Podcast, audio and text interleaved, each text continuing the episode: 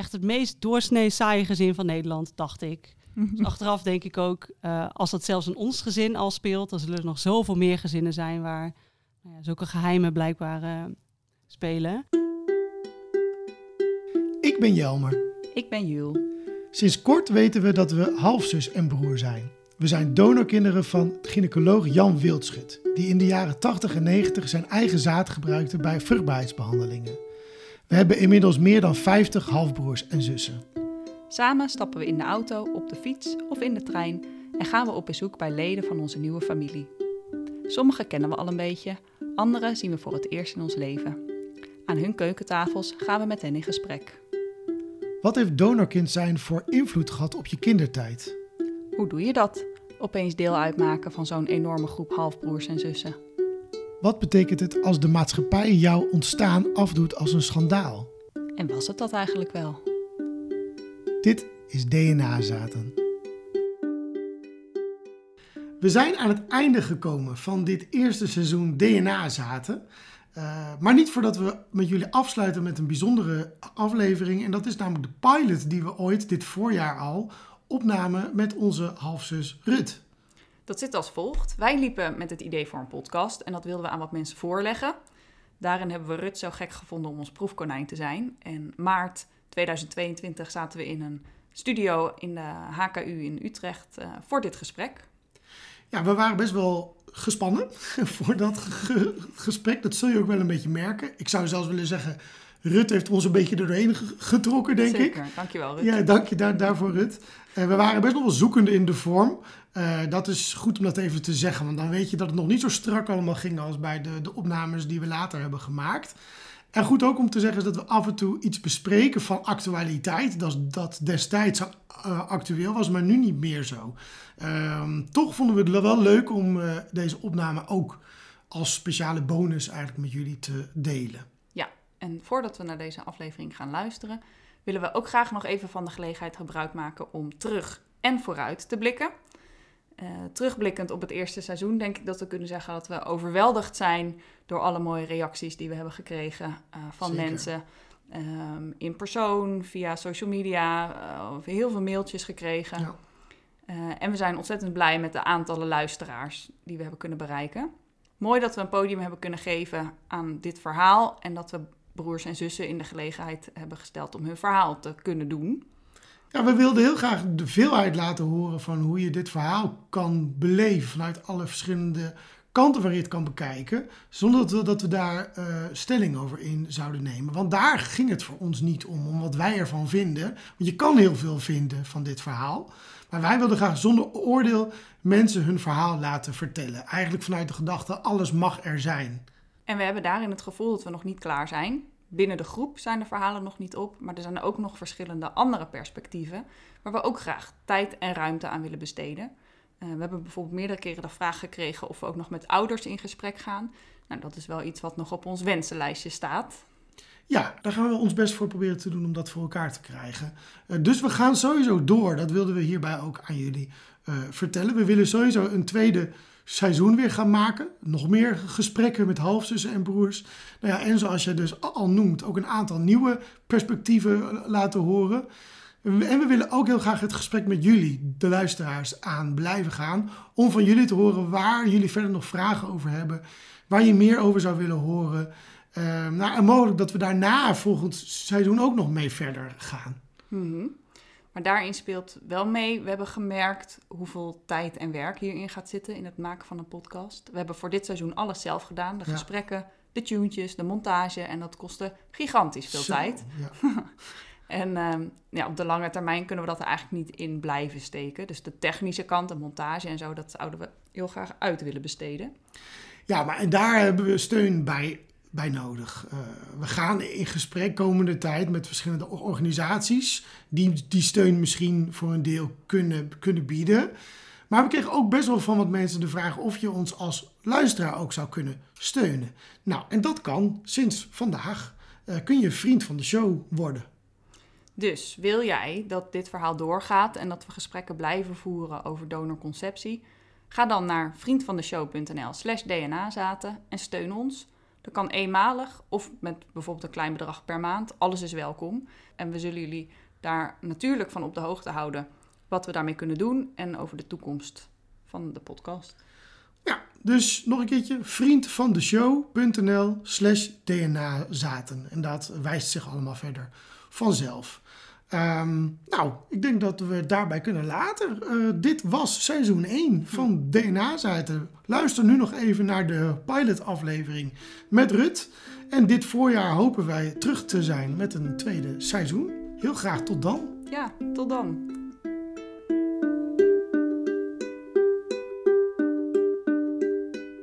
Welkom Rut. Dag Jelmer, dag Jul. Hi. Hi.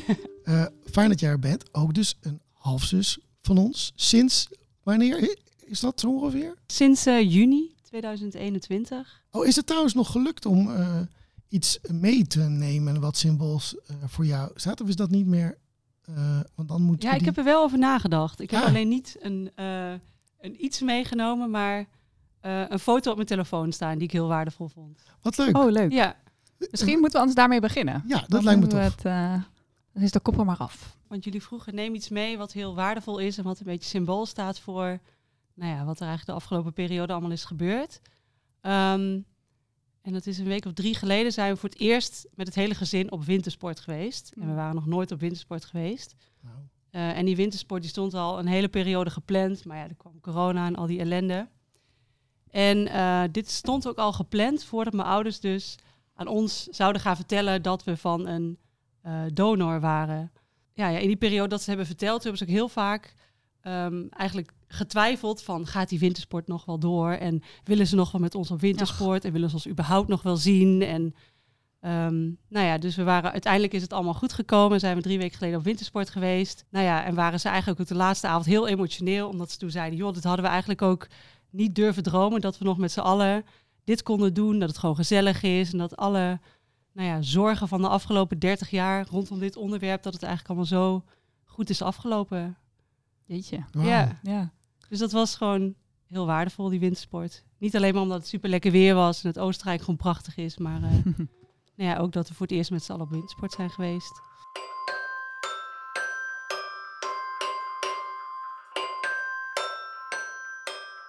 Ik kan wel vertellen. Um, ja, misschien hoe ik hier terecht ben gekomen, hoe dit allemaal begonnen is. Um, want ik dacht dat ik uit het meest doorsnee gezin van Nederland kwam. Ik heb gewoon een vader, ik heb een moeder, die hebben een uh, vak geleerd. Ik heb twee broertjes en we zijn opgegroeid uh, in een klein dorp ergens in Overijssel. En we gingen studeren en we gingen naar de stad. En het was allemaal prima. Het was gewoon echt het meest doorsnee saaie gezin van Nederland, dacht ik. Dus achteraf denk ik ook, uh, als dat zelfs in ons gezin al speelt, dan zullen er nog zoveel meer gezinnen zijn waar ja, zulke geheimen blijkbaar uh, spelen. Dus ik had tot anderhalf jaar geleden echt geen enkel idee dat dit dus zou spelen in ons gezin. Tot het ineens, ja, het was oktober 2020 en toen belde mijn moeder op op mijn werk. Echt 's ochtends of zo om negen uur. En die zei, ja Rut, je moet geen vragen stellen. Er gaat niemand dood, er is niemand ziek. Maar je broers en jij moeten uh, morgen naar huis komen en de huisarts is er ook. En verder geen vragen stellen. En toen begon ze te huilen en toen hing ze op. En toen God, dacht ik, nou. dit is echt helemaal foute boel. Ja. Dus ik heb mijn broers gebeld. Ik zei, wat een raar telefoontje normaal. We bespreken alles met elkaar. Maar ik dacht, dit is echt niet goed. Uh, dus ik heb tegen mijn broers gezegd, weet je wat, we gaan gewoon nu, wat er ook aan de hand is. Mm. Of we gaan einde van de middag. Dus ik had, uh, we hadden onze ouders geappt, ja, we weten niet wat er aan de hand is, maar we komen eraan. En onderweg heb ik mijn broers aan de telefoon gehad. En we dachten, gaan ze dan uh, gaan ze uit elkaar? Wordt mijn vader, wordt vrouw? Uh, we hebben echt alles bedacht. Alle hebben ze schulden? Hebben ze, nou ja, is de een of andere genetische variant van Alzheimer of zo gevonden bij een van de twee dat we ons moeten laten testen? Weet ik veel. Waarom is die huisarts erbij? Ja. Dus einde van de dag uh, waren we dus bij mijn ouders en ja, ze deden open en ze waren ook echt lijkbleek. En ik dacht, dit is echt foute boel. Jeetje. Huisarts aan tafel. Dacht, nou, dat die heb ik nog nooit gezien. Ik weet niet eens wie die vrouw is, maar die zei, uh, ga even zitten. Nou ja, en toen begon mijn vader, die werd best wel emotioneel. Zo heb ik hem echt nog nooit gezien. En die zei toen, ja, ik moet jullie iets vertellen. Ik ben niet jullie vader. Wij dachten echt, huh?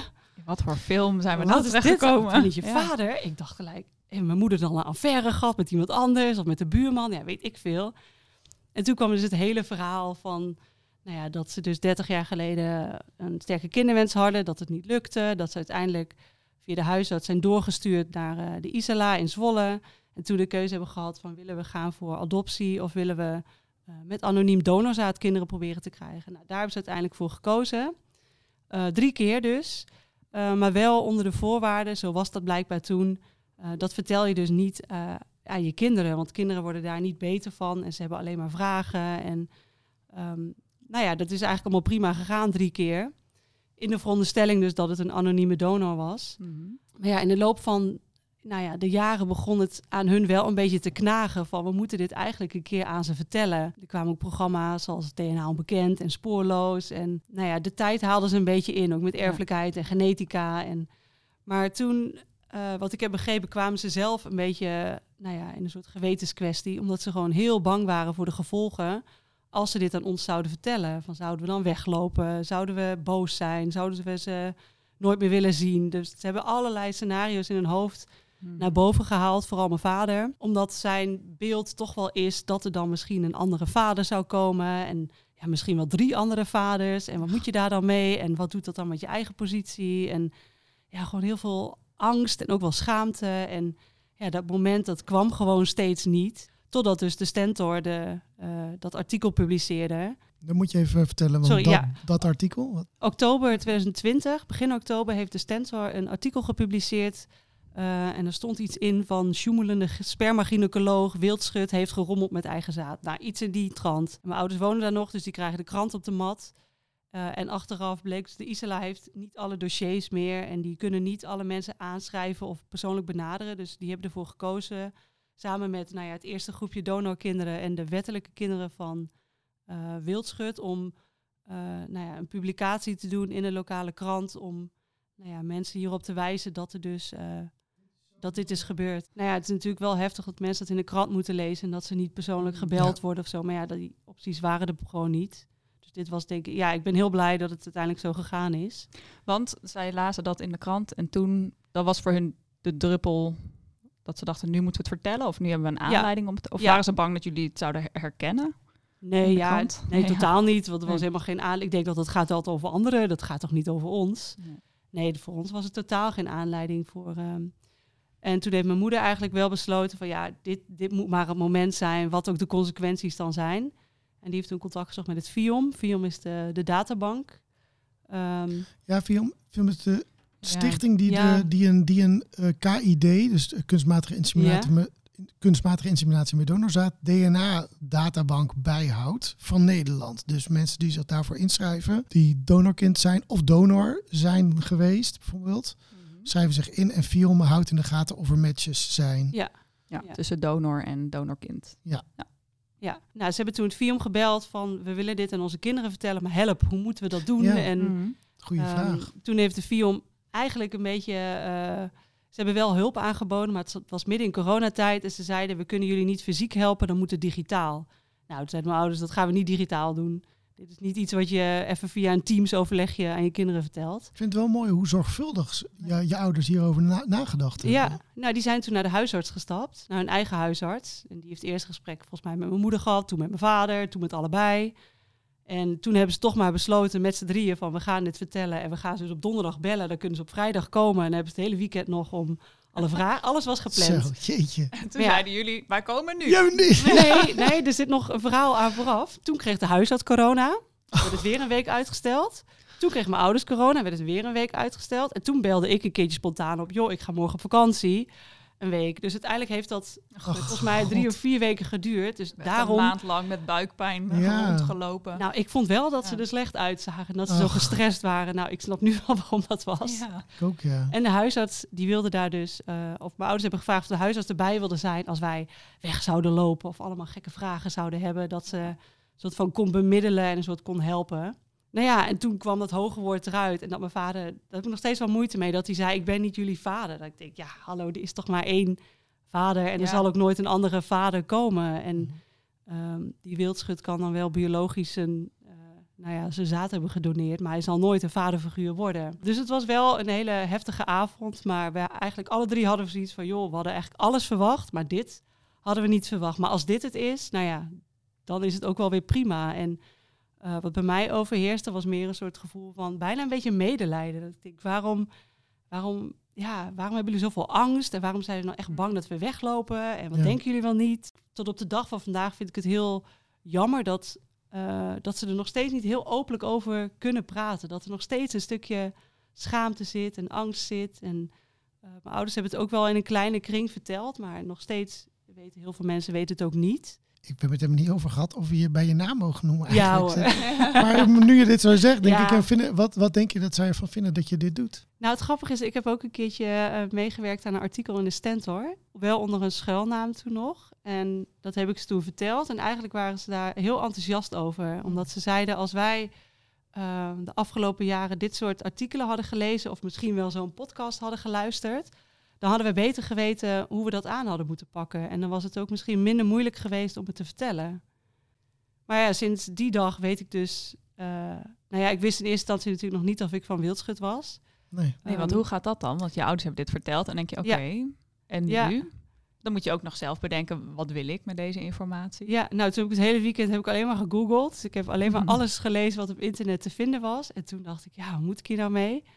Ehm, en ook nagedacht, stel dat het niet wildschut is. Het is een andere donor en Ja. die is nog in leven en die woont in de buurt. Ja, wat wil je daar dan mee? En heb ik daar behoefte aan? En Je, je googelde, zei je, maar waar, waar googelde je dan naar? Wat vond je dan? Wat, wildschut. en, en, Ik ging foto's kijken, Ja. artikelen lezen. ehm, en deed dat iets met je? Nou, in de loop van, van die periode, dus een aantal weken, maanden. Dus dan, zeg maar, als je gaat testen bij FIOM, dan duurt het vier, vijf maanden voordat je een uitslag hebt.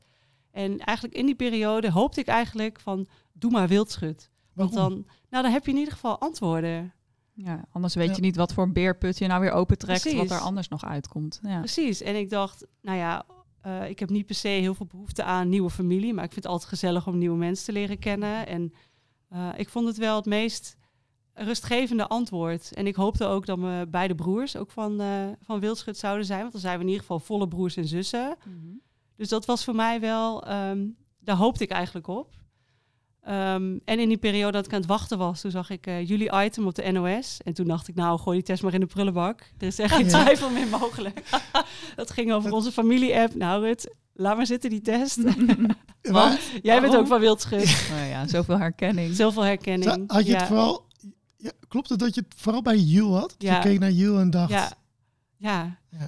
En nu we hier zo tegenover elkaar zitten, zie ik het minder. Maar gewoon hoe je, hoe je liep en hoe je zat, dan dacht ik, nou, het is gewoon best wel eng om te zien dat iemand zo op mij lijkt qua, qua Bizar, ja, Ja, echt. Ik vind dat ook heel bijzonder om dat te horen. ja. Ja. En dat heeft Dat mij heel denkt, erg wat- geholpen. En Wat toen- doet dat nou? Is dat, zit dat in, zit het in ons DNA, hoe wij bewegen? Ja. ja, en ik vond jullie ook gewoon leuke mensen. Ik dacht, nou, doe maar eh, die groep. Die wil ik wel. Die wil ik wel.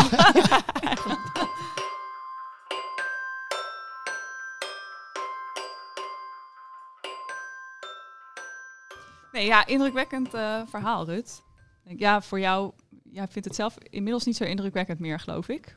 Nee, nee ja, we hadden het er net Maar, nog over. Als je dit dus vertelt aan mensen, ik vertel het nog steeds wel eens aan mensen die het allemaal niet weten. En dan kom je wel even binnen met een verhaal. Ja. Maar toen zei ik net al, hoe begin je nou zo'n verhaal? Begin je nou met, ik heb 50 halfbroers en halfzussen, of mijn vader is niet mijn biologische vader, of ja, en wanneer, wanneer is nou het van mijn moment? ouders is een gynaecoloog geweest. Ja. Ja. Je zegt, zegt ook niet zo bij het koffieautomaat. eh, Hoe was jouw weekend? ja, eh, zal ik een leuk verhaal vertellen?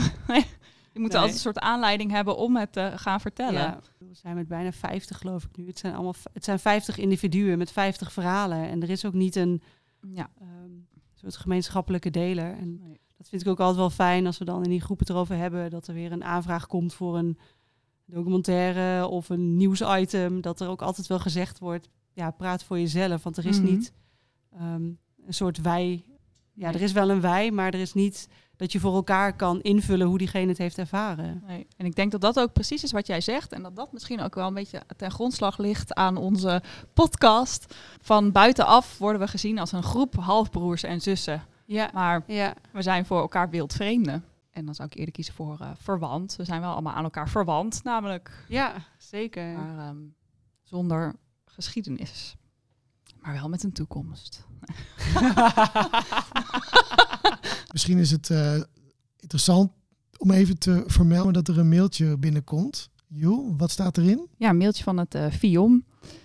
Via deze weg wil ik bekendmaken dat er via de FIOM KID DNA databank vier nieuwe personen zijn gematcht aan het profiel van Dr. Jan Wildschut en dus aan de bestaande groep halfbroers en zussen. We hebben weer vier halfbroers en of zussen erbij, Dus hoe zi- zitten we nu op de, wat is het, 53? denk ik. Zoiets? Vij- 50 plus. 50 plus. Ja. Ze zouden bijna een Oh. par- partij voor Ja, we kunnen bijna een partij vormen.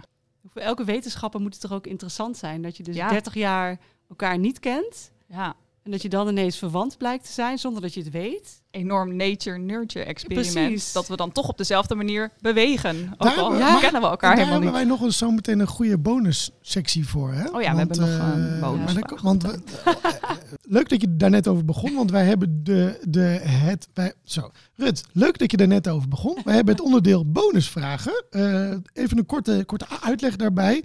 Eh, wij merken in het contact binnen de groep dat er nogal eens, als er vergelijkingen onderling worden gemaakt, eh, dat er enorme gelijkenissen of juist wel ver- ver- verschillen onderling zijn. Dus er gaan al stemmen op om een soort van groot data-onderzoek binnen de groep te starten. Om eh, uit te zoeken wat is nou nature, wat is nou eh, nurture. Eh, wij dachten, wij kunnen daar een informele start in maken. Namelijk, we, hebben, we hebben zes bonusvragen. Die gaan wij zo even aan je voorleggen. En ja, mag je er drie uitkiezen. Dus je hebt ook het recht om er drie, om daar geen commentaar op te geven. Hier komen ze. De eerste bonusvraag, you, take it away. Hoe kijk je naar kinderen? Als in kinderen van jezelf? Of zou je ooit kinderen willen? Tweede bonusvraag, wat zou je willen veranderen aan de wereld? Bonusvraag nummer drie. Wat is jouw lievelingskaas? Bonusvraag nummer vier, ben je een ochtend- of een avondmens? Bonusvraag nummer vijf. Wat is je lievelingskleur of muziek of reisbestemming? En de laatste bonusvraag, die komt van Jules, wil ik er wel even bij zeggen. Beschrijf jezelf als toetje in drie woorden. Wat een moeilijke vraag. Dat dacht ik ook. Die zou ik passen als ik jou was. Rut, de eerste bonusvraag, waar ga je voor? Eh, wat zou je willen veranderen aan de wereld? Oeh, zo, je begint met de grote dat vraag. vind ik ook een moeilijke vraag hoor. Het is wel spontane antwoorden hoor. Ik heb dit niet allemaal ingestudeerd. Maar ehm, ik denk dat we wel met z'n allen wat eh, respectvoller mogen zijn naar mensen die niet precies in het plaatje passen. Dus ik vind dat zeg maar, minderheden in deze wereld, mensen met een beperking, of ik werk zelf met mensen in een verpleeghuis bijvoorbeeld, dat we wat meer open-minded mogen zijn en dat we ja, mensen altijd als, als individu moeten blijven zien en niet als groep. Kun je nog wat meer vertellen over wat je, wat je doet? Want dat, die vraag hebben eigenlijk nog helemaal niet gesteld. Nee, we gaan echt Wat voor werk ik doe. Ja, dat van Ja. hot naar her door deze lijst. Sorry. Ik werk bij een eh, grote ouderenzorgorganisatie in de regio Alkmaar. Functie, ja, dat heet bestuurssecretaris, maar dat komt eigenlijk neer op dat ik een soort manager ben in de zorg. We met elkaar proberen de ouderenzorg wat mooier en wat beter te maken. Dus dat is mijn werk en eh, daarnaast doe ik nog veel vrijwilligerswerk. Ehm, Wat doe je zoal? bij eh, de Zonnebloem. Zit ik in een eh, bestuur van de jongerenafdeling van Amsterdam. En ik doe nog vrijwilligerswerk bijvoorbeeld bij Stichting Wielenwaal. Dat is een organisatie die vakanties organiseert voor mensen met een beperking.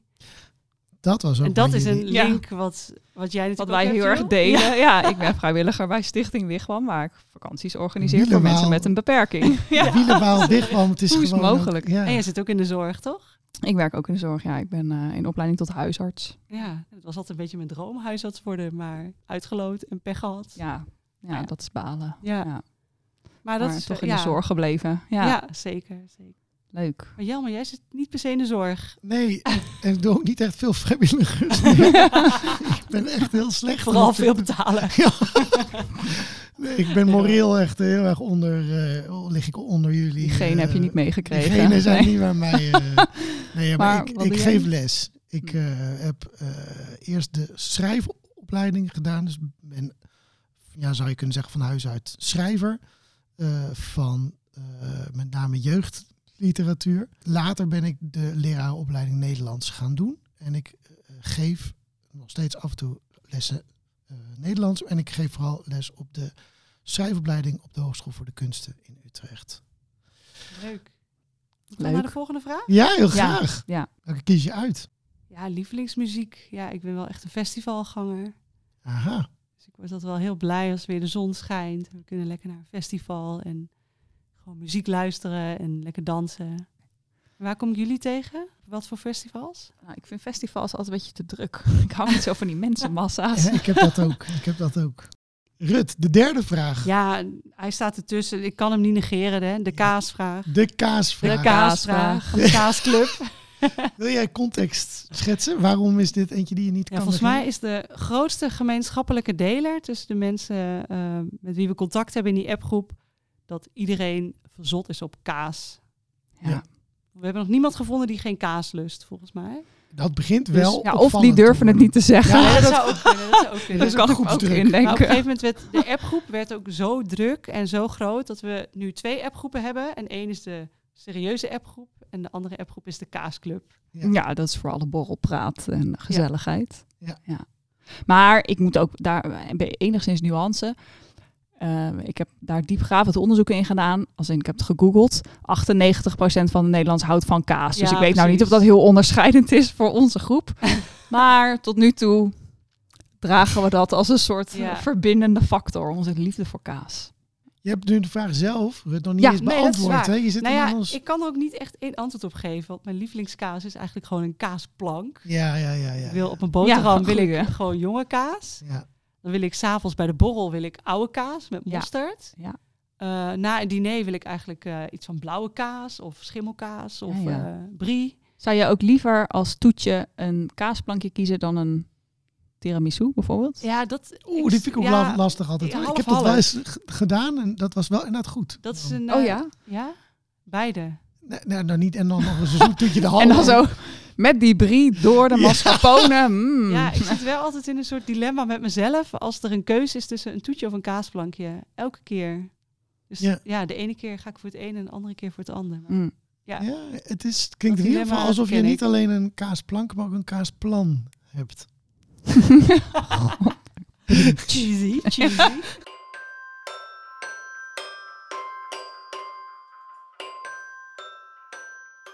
Leuk wat je, wat je vertelt ook over, de, over die kaasplank. Eh, we hebben inmiddels ook een paar eh, borrels gehad. We, we proberen met een zo groot mogelijke groep iedere keer eh, samen te komen. Iedere keer zijn er wel weer nieuwe mensen bij. Of eh, eh, in alle verschillende samenstellingen. Jij hebt er ook een paar meegemaakt nu. Ja. Wat is jouw ervaring tot nu toe? Vond je het leuk, ongemakkelijk, spannend, interessant? Ik was ontzettend nieuwsgierig. Ik vond het best wel spannend de eerste keer. Omdat ik natuurlijk nog geen gezicht had bij nou ja, al die mensen die ook tot deze groep behoorden.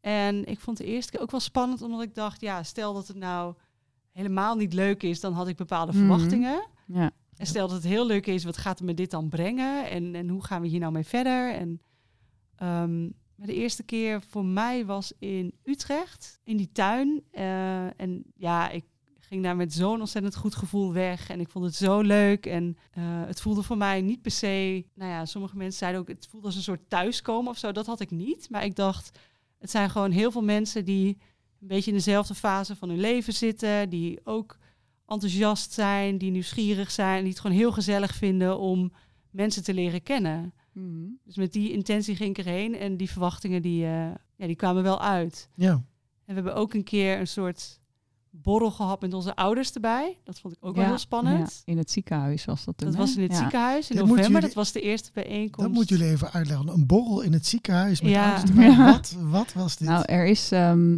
naar aanleiding van het feit dat Jan Wildschut zijn eigen zaad heeft gebruikt, is er een onderzoekscommissie ingesteld. En die heeft onderzoek gedaan in Isela om te achterhalen wat is er nou precies gebeurd in die tijd. Hoe heeft hij dit kunnen doen? En wat moeten we er nu mee? Hè? Moeten we iets van nazorg bieden? En zo ja, wat dan? En moeten we meer ouders en donorkinderen opsporen? Al dat soort vragen. Daar heeft een eh, onderzoekscommissie zich over gebogen. En die antwoorden op die vragen die werden beantwoord in het rapport. En dat rapport werd gepresenteerd. En daarbij waren wij als donorkinderen en onze ouders allemaal uitgenodigd eh, om daarbij aanwezig te zijn. Dus dat was inderdaad die keer waaraan Ja. jij refereert dat we met eh, de groep halfbroers en zussen en een aantal van onze ouders eh, ja, borrelden in het ziekenhuis. Ja. Ja. Ja. want jullie hadden wel aangegeven, jullie zaten in de soort van organisatiecommissie, we willen graag ook snacks. Ja. Dus toen kregen we op zaterdagmiddag De kaasplank. kwamen de blokjes kaas en blokjes komkommer, wat echt fantastisch was. De raad van bestuur ging rond met het kaasplankje. Dat Ja, is Ja, wel- dat was wel schitterend. Ja. Maar dat vond ik wel ook weer spannend. om- Dat was de eerste keer voor mijn ouders dat ze soort van in de openbaarheid Mhm. ehm, andere mensen tegenkwamen die in hetzelfde schuitje zaten. En dat vonden ze ontzettend spannend. En achteraf zeiden ze, joh, het waren allemaal zulke normale, leuke mensen. Dat ik dacht, hè, fijn, weer een stap verder in Ja. hier Ja. gewoon normaal over kunnen praten en hier gewoon open over kunnen zijn. Ja, nou, dat, dat is denk ik ook wel belangrijk. Want als het alleen maar vanuit het nieuws komt en stel, dit gaat over jou en je gaat naar je werk en daar in de koffiekamer heeft iedereen over, "Oh, heb je dat gelezen? Wat een Ja. viezerik, die arts, oh, het zal je maar gebeuren. Ja, dat werpt natuurlijk een enorme drempel om dan vervolgens thuis te komen en te zeggen, nou, ehm, ja, hier horen wij ook bij, bij dit verhaal. Ga het dan nog maar eens vertellen. En dan is het denk ik juist heel goed als je elkaar ziet en ontmoet en met elkaar in gesprek gaat en denkt, oh, we zijn eigenlijk gewoon allemaal hele gewone mensen. Ja, precies. Het zijn Ja. helemaal geen loesje toestanden Nee, of het zijn nee. helemaal geen zijn uitschot van de samenleving of zo. toestanden, maar dat Ja. heeft niks met ons te maken. En ook niet met onze ouders. Die zijn gewoon in. Al, waarom zou je in hemelsnaam verwachten dat de dokter zijn eigen zaad in jou insemineert? Ja. Dat- En zeker in het gewoon in een algemeen ziekenhuis. Mag ik je nog een vervolgvraag over stellen? Rut, wat, wat eh, heeft het voor jou veranderd? De, de kennis dat je donorkind bent en misschien ook de kennis dat je een wildschut na, nakomeling bent. Het feit dat ik nu weet dat ik een donorkind ben, heeft mij eigenlijk gebracht. Ik heb het nooit geweten. Ik vind het fijn dat ik het nu weet. En het heeft ons gezin eerder dichter bij elkaar gebracht dan dat het het gezin uit elkaar heeft gedreven. Het was wel eventjes een, een hobbelige weg met heel veel vragen, maar uiteindelijk heeft het mijn leven verrijkt. En ja, misschien een heel klein zijstapje, maar je zei ook van hoe. Een van die bonusvragen was ook: stel dat je ooit zelf kinderen zou willen. En ik heb het wel eens met mijn ouders over gehad toen ik nog geen eh, eh, relatie had. Eh, toen ik alleen was, dat ik wel eens met ze heb besproken. Toen wist ik nog niet dat ik een donorkind was. Dat ik zei, nou ja, als ik een kinderwens heb en ik heb niet op dat moment de juiste partner, dan zou ik best wel het overwegen om het alleen te gaan doen met behulp van een donor. En toen zeiden mijn ouders, ouders eigenlijk tegelijk, moet je doen. Als je Ja. een wens hebt, moet je doen. En achteraf denk ik, ja, nu snap ik wel dat ze dat Ja. zo hebben gezegd. Ja, ja. En ik sta er ook nog steeds achter dat je ook, eh, ook al ben je een kind van een donor of ook al heb je een sterke kinderwens, dat een hele mooie oplossing kan zijn toch kinderen te kunnen krijgen als het niet op een natuurlijke manier lukt of Mhm. dat er andere redenen zijn waarom het niet. eh, Maar niet zijn er dan wel, eh, zouden in jouw ideale universum er dan wel voorwaarden aan ge- gesteld zijn? Ja, absoluut. Absoluut. Dus, maar wat zouden die voorwaarden dan zijn? Nee, dat een donor niet te vaak mag doneren. Dat vind ik heel belangrijk, Mhm. want dit is natuurlijk totaal moreel onethisch dat er zoveel kinderen zijn en die ook weer kinderen krijgen. En als die Ja. met elkaar nou ja, een relatie zouden krijgen en weer kinderen zouden krijgen, dan, ik weet het woord niet precies, maar de, de Isla gebruikt een heel mooi woord voor, maar een soort incestachtige praktijken kan krijgen. En dat vind ik heel verwerpelijk aan dit verhaal, dat het gewoon veel te vaak is gebeurd. En ik vind het gewoon goed dat er nu duidelijke richtlijnen zijn en regels. En, eh, Zou je het je kind meteen vertellen? Of zou je er ook Ja. 30 jaar mee wachten? Nee, ik zou mijn kind meteen vertellen. En mijn ouders zeggen ook, met de kennis van nu en met de tijdsgeest van nu, is het veel Ja. beter om je kind gewoon vanaf jongs af aan te vertellen dat ze van een donor zijn. En het gewoon als normaal te beschouwen. Mhm. En zou dat dan een donor zijn waarvan het kind ook kan achterhalen wie het is? In jou, is, zou jij ervoor kiezen? eh, Of zou je ook een anonieme donor kiezen? Oh, dat weet ik niet. Nee. Geen idee. Kijk, anoniem is tegenwoordig ook niet heel anoniem meer. Volgens mij, ik weet niet precies hoe de regels zijn. Maar volgens mij heb je altijd het recht om te weten waar je nou, dat is als je uiteindelijk de, biologisch van afstamt, toch? dat is als je het op de officiële manier doet binnen Ne- Nederland. Ja, maar er zijn nog steeds behoorlijk wat mensen die het buitenland ingaan eh, om, eh, om een anonieme Oh, ja. donor eh, te, te, te kunnen vinden. Ja. Wat is jouw vi- visie daarop? Of is dat... eh, Ja, dat weet ik niet zo goed. nee. Ik heb daar niet, weet ik niet. Mensen zullen daar ongetwijfeld hun redenen voor hebben waarom ze voor het een of voor het ander kiezen, maar dat weet ik niet. nee, ik moet zeggen dat ik daar wel een beetje anders over ben gaan denken. Ja? Ik heb het nooit lastig gevonden om donorkind te zijn. Ik heb daar ja, verder dan vragen van, haha, wie zou mijn vader zijn? Misschien wel die meneer. Ging het eigenlijk nooit. Totdat dit in het nieuws kwam. En toen dacht ik, ja, was de behandelende arts van mijn ouders. En ik als dit nou zo voor mijn voeten wordt geworpen, dan moet ik het ook maar aangaan en kijken wat er dan wat het me brengt en wat er uitkomt. En ik noemde het eerder al even, ik had helemaal geen vragen over mijn identiteit. En toch zijn er puzzelstukjes op hun plek gevallen of zijn er Ja. vragen beantwoord van ik dacht, oh, nou hè, nou kan ik dat eindelijk kan ik dat verklaren waarom ik op een bepaalde manier in elkaar zit of waarom bepaalde dingen zo zijn. Ehm, en dat ik denk, nee, dat vind ik toch wel heel waardevolle informatie. Dat zou ik een kind echt niet willen achterhouden. Ik ben bijvoorbeeld van mezelf best een beetje piekerig eh, ingesteld. Ik kan eh, heel lang pieken en ook wel een beetje angstig zijn voor dingen. En dat is iets wat mijn moeders Nou, mijn biologische moeder heeft het helemaal niet. En mijn niet-biologische moeder heeft het wel een beetje, maar ook niet op de manier waarop ik dat heb. Dus da- dat hebben ze nooit zo goed kunnen begrijpen. Dus verder dan, nou ja, hè, joh, dan ga je toch gewoon even wat leuks doen. Eh, ga je gewoon even een wandelingetje maken om je zinnen te verzetten. Maar het is niet zo dat begrip geweest van hoe voelt dat dan als jij je zo voelt? Of, nou ja, en misschien was dat ook helemaal niet zo geweest als ik dat wel van hun had gehad hoor. Maar ja, ik merk wel een beetje door het contact nu met een aantal halfbroers en zussen. En ook wel door de informatie die we dan hebben over Jan Wildschut. Dat ik denk, oh, ik snap nou een beetje waar dat vandaan komt. En Ja. daar had ik misschien veel meer herkenning in kunnen vinden als kind. In plaats van dat ik dacht, hè, het ligt aan mij. Ik moet gewoon nog beter mijn best doen of ik moet dat veranderen. En nu denk ik, oh nee, zo ben ik gewoon gebouwd. En dat zal ik altijd een beetje hebben. Maar als je dan achteraf terugkijkt, had je dan eh, dit ook wel twintig jaar eerder willen weten? Dat het van hem was? Mm, Nee, nee, in dit specifieke geval niet. Nee, twintig jaar terug was ik tien. Nee. nee, en twintig jaar terug was het ehm 2002, dus toen leefde hij nog wel. Maar hij is natuurlijk ook hartstikke oud, hè? Als we, stel Ja. dat Jan Wilschot nu nog had geleefd, dan was hij in de negentig geweest. Dan denk ik, ja, wat voor, ehm, wat, de specifieke informatie om wie het gaat, dat had denk ik niet Mm. zoveel uitgemaakt in mijn leven. En zeker niet omdat we met zoveel zijn. Het was niet de kans geweest dat je een band met hem had kunnen opbouwen als je biologische vader. Of, Had je het gewild? Nee. Ik ook niet.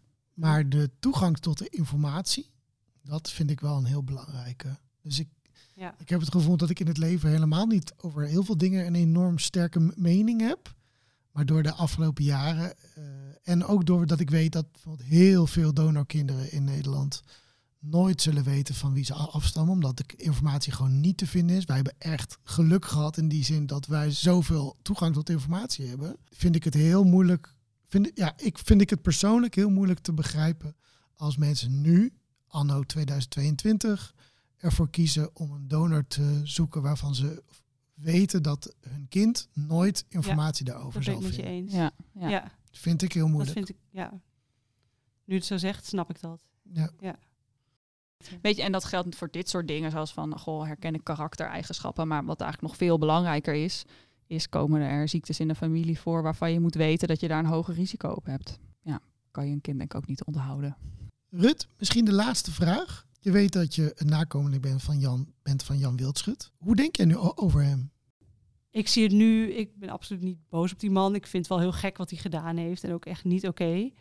Maar hij heeft wel mijn ouders heel gelukkig gemaakt. En ja, hij heeft gelukkig volgens mij nog redelijke gezonde genen en is een slimme man. Dus uiteindelijk denk ik wat ik van hem heb meegekregen zijn gelukkig wel de goede dingen. En als ik hem tegen zou komen op straat, ja, ik zou niet, heb hem eigenlijk niet zo heel veel te vragen. Ik vind het wel prima dat het, eh, ja, dat het zo is. Dat is een beetje een vaag antwoord, hè? Nee, volgens mij niet. Volgens mij is het heel, eh, Nee. heel, eh, du- heel duidelijk. Mooi. Ik was wel benieuwd wat jullie zouden antwoorden op die vraag. Eh, ik zou me wel willen vragen waarom. Waarom die dit heeft gedaan. Ik, ik kan me, het, is, het is een narratief van, ja, er waren te weinig donoren en er waren zoveel mensen die een kind wilden. Dus heeft hij zijn eigen zaad gebruikt. Nou ja, daar kan ik nog enigszins inkomen. Maar waarom hij ook zijn eigen zaad heeft gebruikt bij ouders waarvan de vader gewoon vruchtbaar sperma had. Dan denk ik, hè? Ja, wat, dat snap wat, wat is daar, waarom? Wat is daar gebeurd? Ja. En nu kan iedereen daar eindeloos over speculeren. Want oh, het moet wel een soort narcist zijn met een godcomplex. Hij wil zijn eigen genen verspreiden. En misschien wel, ik denk het niet. Als ik wat meer informatie lees over hoe hij als persoon was, dan lijkt me dat niet een heel waarschijnlijke optie. Maar dat spookt wel door mijn hoofd. Ik kan, dat, kan het gewoon niet bedenken waarom je dat zou hebben gedaan. Dat zou ik hem wel willen vragen. Jij, Jelmer? Ik zou denk ik wel willen vragen, wat vind je ervan dat wij elkaar hebben gevonden? Eh, en als je zo kijkt naar dat, naar dat groepje, nou groepje, naar die, die kudde mensen. Nou, die twee klaslokalen vol. Ja. Ja, wat, ja wat, wat, voel, wat voel je dan? Dat vond ik interessant trouwens, dat we pas geleden natuurlijk eh, Henk Nagel, de, de, de gynaecoloog Ja. Den Bosch, dat is Ja. de, eh, die, dat, de, De eerste die de nog eerste leeft. bekende gynaecoloog die zijn eigen zaad heeft gebruikt, die nog leeft en die daadwerkelijk zelf, eh, volgens mij uit haar eigen initiatief, een interview aan de Volkskrant heeft gehouden. Vond ik waanzinnig spannend ook om te lezen hoe hij er tegenaan kijkt zelf. Ja. En, En ook echt tof dat ik dacht, wat goed dat je nou ook de verantwoordelijkheid neemt om het uit te leggen. Ja. Je hebt dat gedaan en dat je dan nu ook zegt waarom en hoe dat dan was in die tijd. En dan kan je daar nog van alles over vinden. Ja. Maar nee, ik vond het mooi dat hij dat deed in plaats van dat hij zei, nee, ik ga hier niks over zeggen. Dit is het enige voor ons, het Ja. dichtstbijkomende inkijkje in het hoofd van wat heeft ertoe gespeeld Ja. dat je tot dit soort acties komt. Ik heb toch nog een allerlaatste vraag, toch nog eentje. Eh, we weten nog niet wie we nog meer in deze serie gaan spreken, Rut. Maar eh, is er nou bijvoorbeeld van een vraag die jij zou ze wel willen stellen aan iemand die we hier nog aan, aan, aan tafel gaan hebben? Eh, ik hoop dat jullie ehm, zeg maar het gezicht achter een wildschutkind kunnen laten zien. Ja. Dat het niet een, een groep mensen is wat allemaal hetzelfde verhaal heeft en wat allemaal dezelfde mening heeft en ook nog een beetje hetzelfde uiterlijk heeft. Ja, ja. Maar dat het echt allemaal individuen zijn met een eh, bijzonder pad, hoe ze hier gekomen zijn. Ja, alle verschillende verhalen en eh, Ja, ervaringen. Ja. kunnen jullie daar wat mee? Ik denk dat wij dat gaan doen. Wij gaan dat gewoon eh, voor jou fixen. Komt goed. Dankjewel Rut voor dit mooie gesprek. Dit was de laatste aflevering van DNA Zaten. Een podcast van Jelmer en Jules, donorkinderen van gynaecoloog Jan Wildschut. Wil je ons steunen in het maken van seizoen 2? Ga dan naar vriendvandeshow.nl slash dnazaten. Wil je in de tussentijd meer verdieping? Lees dan de roman Kit, KID, die Jelmer heeft geschreven over zijn verhaal en die nu in de winkels ligt.